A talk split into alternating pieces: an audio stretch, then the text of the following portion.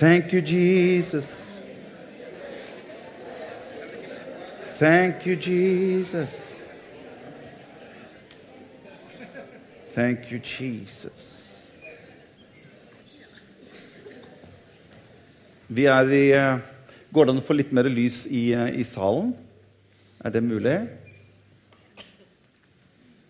Så jeg ser alle disse skjønne menneskene. Så kan du godt skru ned de to, for de var veldig sterke. Jeg ser så sint ut når jeg myser. Sånn, ja. Der kommer dere. Hei! Godt å se dere. Jesus lever. Vi er midt i en serie om dette som har med, med, Herrens velsignelse. Og jeg skjønte veldig fort når jeg begynte litt på det, at dette holder ikke bare med en halvtime på en søndag. Så jeg skjønte at dette må jeg dele opp i tre deler.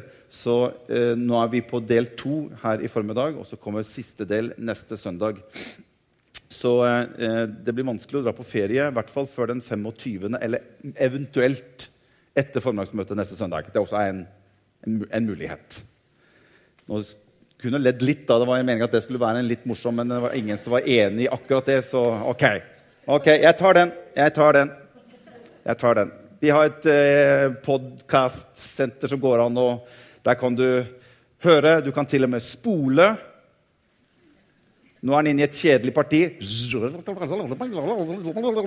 Inn på igjen. Fortsatt kjedelig. Det eneste du ikke kan gjøre på podkast, du kan ikke slette den. Det har vi bare lagt inn en sånn at Kom ikke der og liksom Nei, vet du hva, dette her er ikke noe å ha på podkasten. Vi bare sletter den. Så det kan du ikke gjøre, men du kan få lov til å høre, og så kan du få lov til å spole, og så kan du få lov til, til og med spole tilbake igjen også hvis det var noe som var litt bra. da, så du, kan, så du kan høre en gang til. Men vi er inne i denne serien som har med Herrens velsignelse. Og jeg, jeg blir veldig, jeg blir veldig oppmuntra sjøl når, når, jeg leser om dette her, og jeg, jeg, jeg opplever noe av hva, hva Gud har på hjertet for deg og meg rundt det som har med Herrens velsignelse. Jeg har blitt, jeg har blitt storlig overrasket positivt av å se hvor enormt stort dette som har med Herrens velsignelse, er gjennom hele Guds ord. Og hvor utrolig opptatt Gud er i sitt ønske i å velsigne deg og meg som menneske. Tenk på når han skaper hele jorden, alt som er på jorden av dyr, av vekster, alt sammen. Ikke ett sted står det at han velsignet det. Han bare skapte det. Og så skapte han mennesket i sitt bilde. Da kommer velsignelsen inn. Når han hadde skapt mennesket, så står det og han velsignet dem. Når han var ferdig med det, da satte han i gang. Det første han gjør med mennesket, er Og Herren velsignet dem og sa. Og så utgir han, eller han utsier på en måte velsignelsen over mennesket. Og det var ikke noen sånn der velsignelse som går liksom sånn Ja, OK, folkens, menneske, nå har jeg skapt deg. Du får bare ha lykke til. Og bare gjør, gjør det beste ut av det, Adam og Eva. Nei, han velsignet dem og sa Vær fruktbare, bli mange, legg jorden under dere. Han velsignet dem med det og den hensikt han ønsket at de skulle ha. Så han bare ikke skapte dem, men han legger over dem det elementet som skulle gjøre at de kunne utføre det Gud hadde skapt dem til. For uten den velsignelsen hadde de ikke kunnet greie det. Men når Gud velsigner mennesket, så er det akkurat som det, er, det er som på Star Wars, som man sier 'May the force be with you'. For det er noen som skjønner å ja, det er det det er. ja, akkurat det er sånn Guds velsignelse akkurat der skjønner jeg det. May the force be with you. Det er nettopp det velsignelsen er. Den istandsetter meg til å gjøre det jeg ikke i egen kraft kan få til. Men med Guds velsignelse over meg så kan jeg gjøre det han har kalt meg til. Og Derfor så er Gud så utrolig interessert i å velsigne deg og meg i livene våre. Og det er det vi er midt oppi. Så det er veldig, veldig bra. Jeg skrev en sånn liten sånn, hva skal vi si, en sånn definisjon på velsignelse forrige søndag. Og da skrev jeg at det er jeg har bare laget min egen. Du kan lage din egen selv. Det må bare være riktig, men du kan, du kan gjøre det. Jeg har bare skrevet en sånn som jeg har skrevet her. og jeg har skrevet Å være velsignet betyr å bli satt til side under Guds innflytelse til fremgang på alle livets områder. Til ånd, til sjel og til legeme. Gud er interessert i hele deg og meg. Det er ikke bare sånn at han er interessert i noe av oss eller deler av livet eller deler av hva vi holder på med. Nei, Gud er interessert i deg og meg som et helt menneske. Til ånd og til sjel og til legeme. Og han ønsker å velsigne deg. Amen. Så vi skal se litt på det. Eh, når jeg leser det som har med velsignelse å gjøre, så har jeg bare lyst til å si litt om hvordan velsignelsen settes inn i Bibelen, og særlig i Det gamle testamentet, i forskjellige typer kontekster hvor velsignelsen brukes. For så var det slik at i, i, familiene var det sånn at far velsignet sine barn. Han velsignet spesielt den førstefødte sønn for at velsignelsen skulle gå i arv til neste ledd. Det står at, sin, det står at de velsignet sine koner, de velsignet familien. Det var én kontekst som, som, som, velsignelsen ble brukt i. Eh, innsettelse av tjeneste, type konge, profeter og prester. Der kom velsignelsen inn for å istandsette de til tjeneste. I styresett så kan du få lov til å se hvordan herskere eller konger også er med å velsigne sine underståtter. De blir også velsignet av sin konge. Og selvfølgelig i prestetjenesten så ser vi veldig sterkt hvordan Gud brukte prestene til å lyse ut velsignelsen over mennesker. Og dette går igjen opp gjennom hele Det gamle testamentet og i hele Bibelen generelt. Det er tre kategorier. Jeg bare vil at Du skal bare få se litt. Det er noe litt sånn praktisk her. før vi liksom går litt videre. Det er tre kategorier utøvelse av velsignelsen i Det gamle testamentet som jeg vil at du skal bare legge deg merke til. Det var ofte sånn at den som var større, velsignet den som var mindre. Altså far velsignet sine barn, sin sønn. Eh, du ser det bl.a. Når, når Abraham møter Melkisedek, Melkisedek som var ypperste prest. Når Abraham møter Melkisedek, så møter Melkisedek Abraham med å velsigne han. Altså Det er fra den større til den som er mindre. Der går velsignelsen. Og vi kan jo være enige i at Gud er den aller største. Og han velsigner oss som er under han. Og det ser du, det går igjen som en, som en kategori hvordan velsignelsen brukes. Velsignelsen var et tegn på en, spe, en spesiell favør som hadde som hensikt å gi vekst og fremgang. Og velsignelsen var en uttalt proklamasjon eller en deklarasjon både fra Gud til menneske og ifra menneske til menneske. Slik bruktes velsignelsen opp igjennom. Det som skjer etter hvert, det er at velsignelsen kommer i veldig sterk kontrast. Når loven kom inn i bildet, så ble dette med velsignelse så kom også dette med forbannelse også enda sterkere inn i bildet. Fordi at når Gud inngikk en pakt med Israel, og loven ble gitt, så kom dette med forbannelsen også inn veldig sterkt. Og når vi leser i 5. Mosebok kapittel 28, fra vers 1, så ramses det opp en god del velsignelser. Jeg tror det står ifra Det var litt dårlig å, å, å se akkurat der, men oppi de to ringene så står det fra 5. Mosebok kapittel 28 og fra vers 1 til 13. Der, kunne, der vil du lese alle velsignelsene du kunne få hvis du holdt loven. Og så ifra vers 14 og utover helt til vers 67 så står det alle forbannelsene som skjer hvis du ikke greide å holde loven. Og det var umulig for mennesket å greie å holde loven. Så de var veldig ille ute i forhold til den pakten de hadde gått inn. Og loven fikk en konsekvens. At hvis ikke du holdt den, så slår på en måte forbannelsen inn. Ikke fordi at loven i seg selv var hva skal si, noe galt med, eller at den var, i seg selv var dårlig, men den var så perfekt og så fullkommen at Israels folk de greide ikke å holde loven. Og i og med at de ikke greier å holde loven, så fikk det en konsekvens. Og det er det som du kan lese om fra vers 14 og utover. Men jeg har lyst til at vi skal se hva som står i vers 68. Jeg syns det her er veldig veldig bra. Vers 68, der står det Det er helt siste verset i oppramsingen av alle disse forbannelsene nedover. Der står det Herren skal føre deg på skip tilbake til Egypt, langs den veien som jeg sa du aldri skulle se igjen.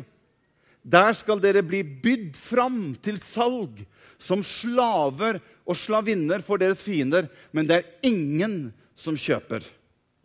Altså, han setter hele Israels folk i den pakten de er i, i en håpløs situasjon. Det er ingen som er interessert i å kjøpe dere fri. Det er ingen som er interessert i å bruke noe som helst av penger for å kjøpe dere fri. Dere står faktisk i en totalt håpløs situasjon. Men vi kjenner en som var villig til å kjøpe oss fri. Amen. Se hva som står i Galaterne kapittel 3. Og det er fantastisk skriftsted. Kristus! Når det ikke var noe håp, ikke noe menneske i seg selv kunne greie å gjøre, så står det her Kristus har kjøpt oss fri. Fra lovens forbannelse. Idet han ble en forbannelse for oss. For det står skrevet 'Forbannet er hver den som henger på et tre'. Og så sier han noe om hvorfor kjøpte Kristus oss fri ifra lovens forbannelse. Jo, han hadde et mål med å kjøpe oss fri for at Abrahams velsignelse skulle komme til hedningefolkene i Kristus Jesus. For at vi ved troen kunne få ånden som det var gitt løfte om. Så hvis ikke du greide å oppfylle loven eller følge loven, så fikk du en forbannelse ut av det. Greide du å følge loven, ja, da gikk det greit. Men ingen greide det. Én greide det. Jesus Kristus. Han oppfylte loven. Og han kjøpte oss fri nettopp fordi at vi var håpløst ute å kjøre. Så kjøper han oss fri. Og når jeg er i Kristus, og Kristus er i meg, så er jeg i en som har oppfylt hele loven. Og dermed så er jeg kjøpt fri ifra forbannelsen som lovens konsekvens fikk for mitt liv når jeg ikke greide å, å, å holde den. Derfor sier Paulus, 'I ham er det jeg lever, beveger meg og er til.' Og når jeg er i Kristus, så kan ikke lovens forbannelse og konsekvens nå meg. For Kristus kjøpte meg fri fra lovens forbannelse. Wow! Det er gode nyheter. For at ikke bare han kjøpte meg fri fra lovens forbannelse. Det er for så vidt greit nok, det. Men han gjorde det for at jeg skulle få lov til å oppleve noe annet. For hør da, Hvis Jesus oppfylte loven, ja, da ville jo velsignelsen også ramme han. For han oppfylte jo det og fikk jo da, da, del i velsignelsen. Så det som skjer er at når jeg er i Kristus Jesus, ja, da får jeg jo tildelt de velsignelsene som skjer når jeg oppfyller loven. Ser du det? Fantastisk. Jeg blir begeistra og tar opp dette her, for dette her må jeg høre om igjen uten å spole. Ai, ai, ai, ai, ai. Når jeg lever i Kristus Jesus, i Hans nåde, så lever jeg i oppfyllelsen av loven. Av alt som ble krevd av meg, som jeg alene ikke greide. Derfor så lever jeg i Jesus Kristus. Halleluja. Det er veldig, veldig bra. Så har jeg skrevet her, så hvorfor prøve å oppfylle noe som han allerede har oppfylt? Han kjøpte oss fri fra lovens forbannelse. Det gjorde han. Sånn at hvis, hold, hvis et bud som jeg på en måte ikke holdt, så vil ikke forbannelsen kunne ramme meg, fordi at jeg er gjort rettferdig, og jeg er i Jesus Kristus. Men det han ikke har kjøpt meg fri fra Og nå vil jeg at du skal følge med. Han har ikke kjøpt meg fri ifra syndens lønn. Det er forskjell på lovens forbannelse og syndens lønn. Fordi at Bibelen sier at syndens lønn er Og så står det forskjellige ting. Den onde han har kommet for å stjele, for å myrde og for å ødelegge. Det er jo ikke sånn at Kristus har kjøpt meg fri, så jeg kan bare gå rundt og synde og gjøre akkurat hva jeg vil, for det får ingen konsekvens for meg. Nei, nei, nei, nei. nei.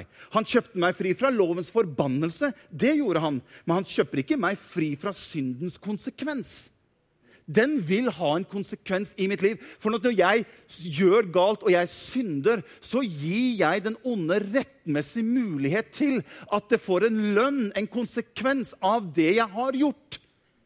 Faller jeg ut av Guds nåde? Nei, det gjør jeg ikke. Jeg er fortsatt Guds barn. Jeg er fortsatt rettferdiggjort i Kristus. Men syndens lønn får en Det er som å kaste ut en bumerang.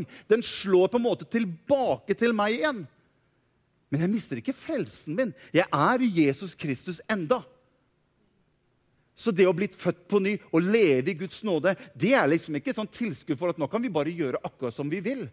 Og Det er jo det de, det jo det de sier til, til, Paulus. Ja, men Kan vi bare da fortsette å synde? Så sier Paulus, hva, hva var det her som fikk dere til å tenke på det? Hva, hva, hva er greia her? Langt være derifra, sier Paulus. Hvorfor skal, vi, hvorfor skal vi fortsette i synd, vi som er døde bort ifra det? Jeg lever jo ikke lenger selv. Men Kristus lever i meg, og jeg lever i Han. Amen. Så det å synde er å gi den onde plass til noe som han ikke trenger å ha i ditt og mitt liv. Nå preker jeg bedre enn du responderer. Det kjenner jeg, det kjenner jeg her og nå. Ja, ja, ja, ja. OK. OK. Ja, ja, ja. Litt innimellom er greit.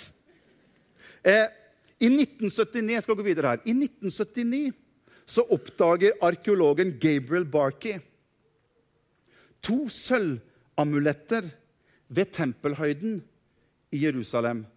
Han finner dette i en grav som skal visst ha tilhørt en jødisk ypperste prest. Og han finner disse to amulettene sølvamulettene. Og disse to sølvamulettene viser seg å være 400 år eldre enn dødehavsrullene. Det som, du, det som du ser her, det er det eldste påviste skrift som vi har i dag. Det som er spesielt, er at når han graver frem dette, og de begynner å finne ut hva som står på den amuletten, så er det Herrens bønn i 4. Mosebok kapittel 6 som står der. Dette finner de. Det, måte, det virker nesten som Gud på en måte liksom åpner OK, det her kan dere finne. Det går greit. Det virker nesten som han har, en, han har, en, mening med det, han har et ønske med det. Og jeg vil at vi skal gå inn og skal vi se litt på denne velsignelsen her. For vi, vi snakker fortsatt om dette som har med Guds velsignelse. ok? Denne bønnen kalles for Herrens velsignelse. Og hør, Det som er spesielt med den bønnen her, som står på den amuletten, det er at det er den eneste bønnen i hele Bibelen som kommer fra Gud selv direkte. Det er bare én bønn i hele Bibelen som kommer direkte fra Gud, og det er denne bønnen her. Og det kalles for Herrens velsignelse. Gud gir denne bønnen til Moses. Og så ber han Moses å si du skal si, ja, Det står vel egentlig der. Vi kan sikkert bare lese skriftet. så får vi, vi kan, La oss gå bare rett til kilden, dere, så har vi det. Det står her Herren talte til Moses og sa, si til Aron og hans sønner og si, slik skal dere velsigne Israel. Og så sier han, si til dem eh, Lys det, la det komme ut av din munn. Tal ut denne bønn, denne velsignelsen, over Israel. Og hør, Moses fikk beskjed om at dette skulle ypperstepresten Aron gjøre hver dag. Han sa ikke bare at 'be denne bare en bønn én gang, og så er det greit'. Nei, han sa denne skal du lyse ut hver eneste dag over Israels folk. Og her er bønnen. Herren velsigne deg og bevare deg. Herren løfte sitt ansikt på deg. Skal vi se. Herren la sitt ansikt lyse over deg og være deg nådig. Herren løfte sitt åsyn på deg og gi deg fred. Og så sier Gud til, Moses slik skal de legge mitt navn. Dette går jeg god for, sier Gud.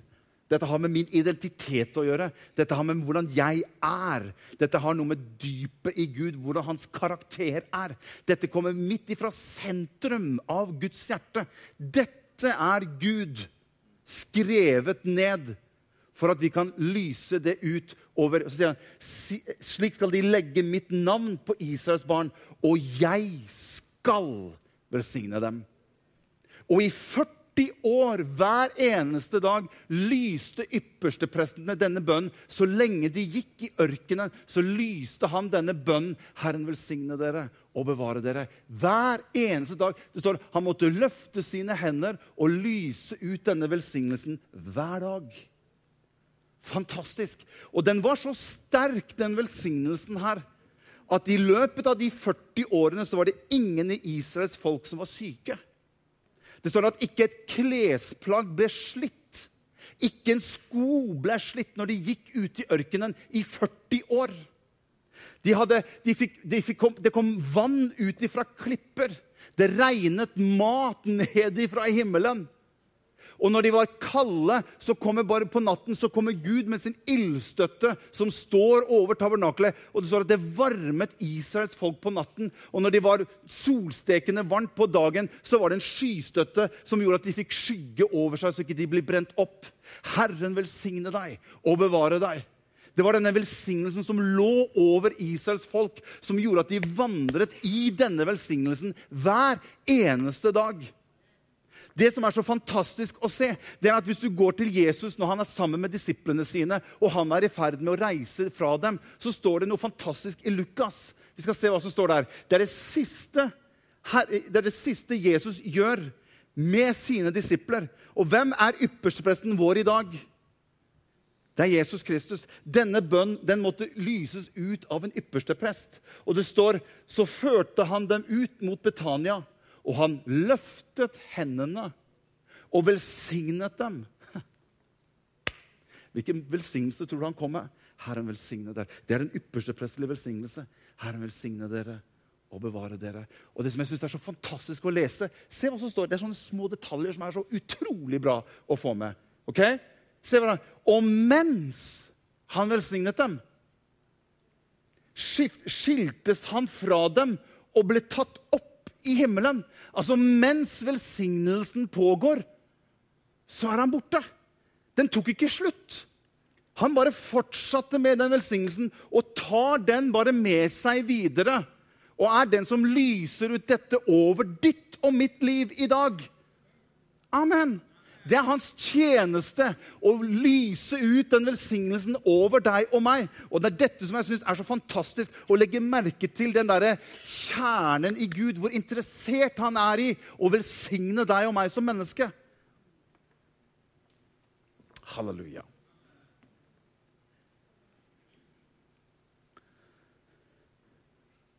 Og når jeg, når, jeg, når jeg, sitter og leser, så tenker jeg hvorfor skal, vi, hvorfor skal vi si det? Hvorfor skal vi uttale det med munnen? Og Jo mer jeg har lest om dette med velsignelsen, så ser jeg hvor utrolig viktig det er at ting får lov til å komme ut av vår munn. Han sa til dem. Herren velsignet dem og sa. Jesus mens disiplene, og han sa til dem. Oi, oi, oi.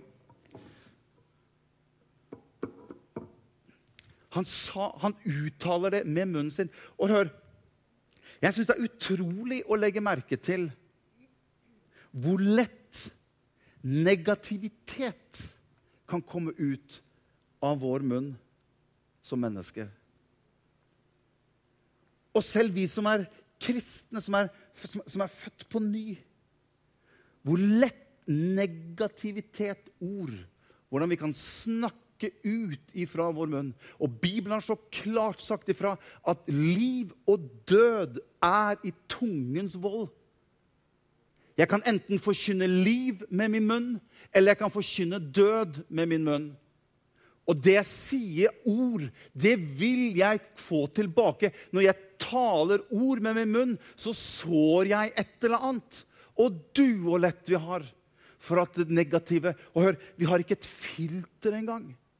Det er nesten så vi ikke tenker på Det er bare en automatikk i at ord kommer negativt ut av vår munn. Vi omtaler arbeidsplassen vår negativt. Ja, nå er det sånn og sånn, og de og de, og han og han og hun og, og, vi, og, og vi, Det velter ut av munnen vår. På skolen vår, i, i situasjoner vi står oppi. Og vi bare uttaler og hør, Når jeg uttaler så mye negativt som kommer ut av min munn, så har det en høst. For det jeg sår, det høster jeg tilbake. Det var som han som sa, hadde vært innenfor Gud, eller hun hadde vært innenfor Gud da, og, og, og, bedt om, for mannen sin. Å, kjære Gud, du ser jo han gubben min. Han kan jo ikke. Og, og hun holdt jo på i en halv time å fortelle alt det fæle om mannen sin. Og det er sånn Gud kommer til hullet. Hva tror du skjer når du sår ut alt dette her? Det gjør jo bare situasjonen verre. Du må begynne å velsigne din mann med de ord du ber. Begynn å takke for din mann.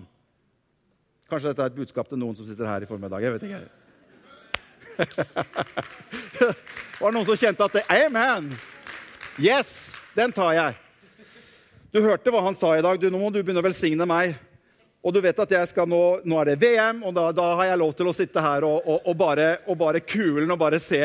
Og, og bare velsign meg. Men du og lett vi har for å tale negativt. Når Bibelen er så klar, vet du hva, Bibelen er så klar på det. Han sier til og med at, at for hvert unyttig ord som vi sier, skal vi stå til regnskap for. Jeg leser det og tenkte det kan ikke stemme. For jeg tror det har en konsekvens med ord vi bruker. Vi bruker ord til å poengtere noe. Vi bruker ord til å poengtere en følelse vi har inni oss. Og det gjør ikke noe annet at det bare forsterker det. Men med en gang vi snakker om at vi skal begynne å si noe som er positivt, nei, det høres jo nesten litt rart ut. Som jeg sa forrige søndag, når Jabes tok og begynte å si, 'Herre, utvid mine grenser.' 'Herre, velsign meg.' Da tenker vi ja, men det er jo egoistisk, det er jo selvisk. det er jo litt, Vi kan ikke gjøre det. Bibelen ønsker Hør, i Kristus har Gud velsignet meg med all åndens velsignelse. Jeg har det i Kristus.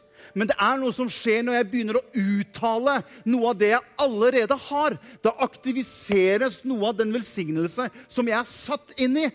Det er ikke bare sånn at velsignelsen bare kommer flytende, og du kan bare nesten ikke finne ut hva som skjer rundt deg. Du og jeg vi begynner å tale ut Guds ord. Derfor står det at troen kommer av å høre. Men skjønner, troen aktiviseres av å tale. For det står at 'ordet er meg nær i min munn og i mitt hjerte'. Og så står det 'det er troens ord jeg forkynner'. Så Gud ønsker at du og jeg skal begynne å velsigne ut av munnen vår. Tale inn i ditt ekteskap. Velsign mannen din. Velsign kona di. Velsign barna dine. Mange ganger så har jeg sittet og velsignet barna mine. Jeg har hatt et bilde av dem på mobilen sagt Herre, jeg bare ber dem at din rike velsignelse skal være over dem. Skal følge dem og etterjage dem. La oss bruke ord til å velsigne hverandre istedenfor å forbanne. Ikke forbann arbeidsplassen din, ikke forbann arbeidsgiveren din eller sjefen på jobben. Velsign de. Og Du skal få lov til å se hvordan Gud kan få lov til å begynne å snu ting. For han trenger dine og mine ord til å begynne å forandre omgivelsene rundt oss og i oss. Men hvis det ikke kommer noe annet enn negativitet ut ifra din og min munn, hva skal han ta tak i? Det er derfor Gud sier til Moses dette må du si hver eneste dag. Jeg trodde det holdt at jeg sa at jeg elsker Anette på den dagen vi gifta oss. Ja, jeg elsker deg, Anette. Du må jo tro meg på det. Jeg trenger dra opp det hver eneste dag, liksom. Jeg sa jo det når vi gifta oss i kirka. Ja, jeg elsker deg. Udiskutabelt ferdig. Men det gjelder i dag også. Jeg tror hun liker at jeg kommer til å? I dag også elsker jeg deg. Og godt å høre. Og hun sier det til meg. Det har noe med ord skaper. Og Gud ønsker at vi skal få begynt mye mer å velsigne med de ord vi bruker ut av vår munn. La Den hellige ånd få lov til å legge seg som et enda tettere filter på din tunge. Hvis 70-80% av det som kommer ut av din munn, har noe som er negativt myntet, så mener jeg jeg må be Herren om unnskyldning og tilgivelse. Herre, tilgi meg. Jeg omvender meg fra dette. Og jeg ønsker at din godhet og din velsignelse Det er nettopp det David gjør. Når han kommer til Salme 23, så begynner David å si ut velsignelse over sitt eget liv. Og han roper ut 'Herren er min hyrde'. Hvordan kan jeg mangle noen ting? Han er jo hyrden min. Han lar meg jo ligge i grønne enger. Og han leder meg til vann der jeg finner hvile. Han leder, han fornyer min sjel til og med. Når jeg opplever at min sjel har det litt tungt for tiden, så er han den som fornyer min sjel. Men David han uttaler det, så Gud kan gjøre det i David. Og han leder meg på rettferdsstier for sitt navns skyld. Ja, til og med om jeg må gå i dødsskyggens dal. Der hvor døden kaster sine skygger. Selv der frykter jeg ikke for noe vondt. For han er med meg. Hans kjepp og hans stav, de trøster meg. Og han til og med dekker bord for meg, like for øynene på mine fiender. Og han salver mitt hode med olje. Og han salver det så mye at jeg kjenner at det flyter over på innsiden. Mitt beger flyter over. Hva er, det, hva er det David gjør for noe? Han velsigner seg selv, og han velsigner sin morgendag. Derfor avslutter han alt med å si 'Sannelig', sier han. Sannelig. På norsk betyr det 'Jeg skal si deg én ting'. Det er det egentlig David sier. Bare godhet og miskunnhet skal etterjage meg alle mine dager. Og jeg skal love deg jeg skal få lov til å bo i Herrens hus gjennom alle tider. For han velsigner meg, og han er med meg. Jeg kan gå gjennom ting som er vanskelig, men jeg trenger ikke å frykte, for han er med meg. Det må være overskriften. Det må være fokuset over livene våre. Og du skal få lov til å se hvor sterk Herrens velsignelse er hvis du tør å begynne å uttale velsignelse. Men det høres rart ut, skjønner du. Det høres rart ut å begynne å velsigne. Dere som har selskaper, dere som har bedrifter og eier bedrifter, lys Guds velsignelse over, over, over firmaet ditt.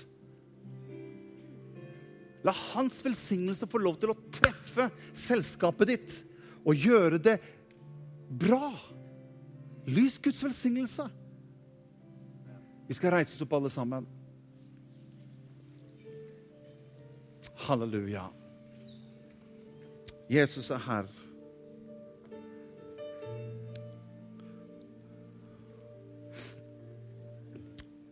Jesus er her. Når jeg var i, jeg var i bønn før når jeg var i bønn før møtet, så opplevde jeg hvordan Gud talte litt i mitt hjerte om at det finnes mennesker som har opplevd at ting har vært talt ut over deg i din barndom.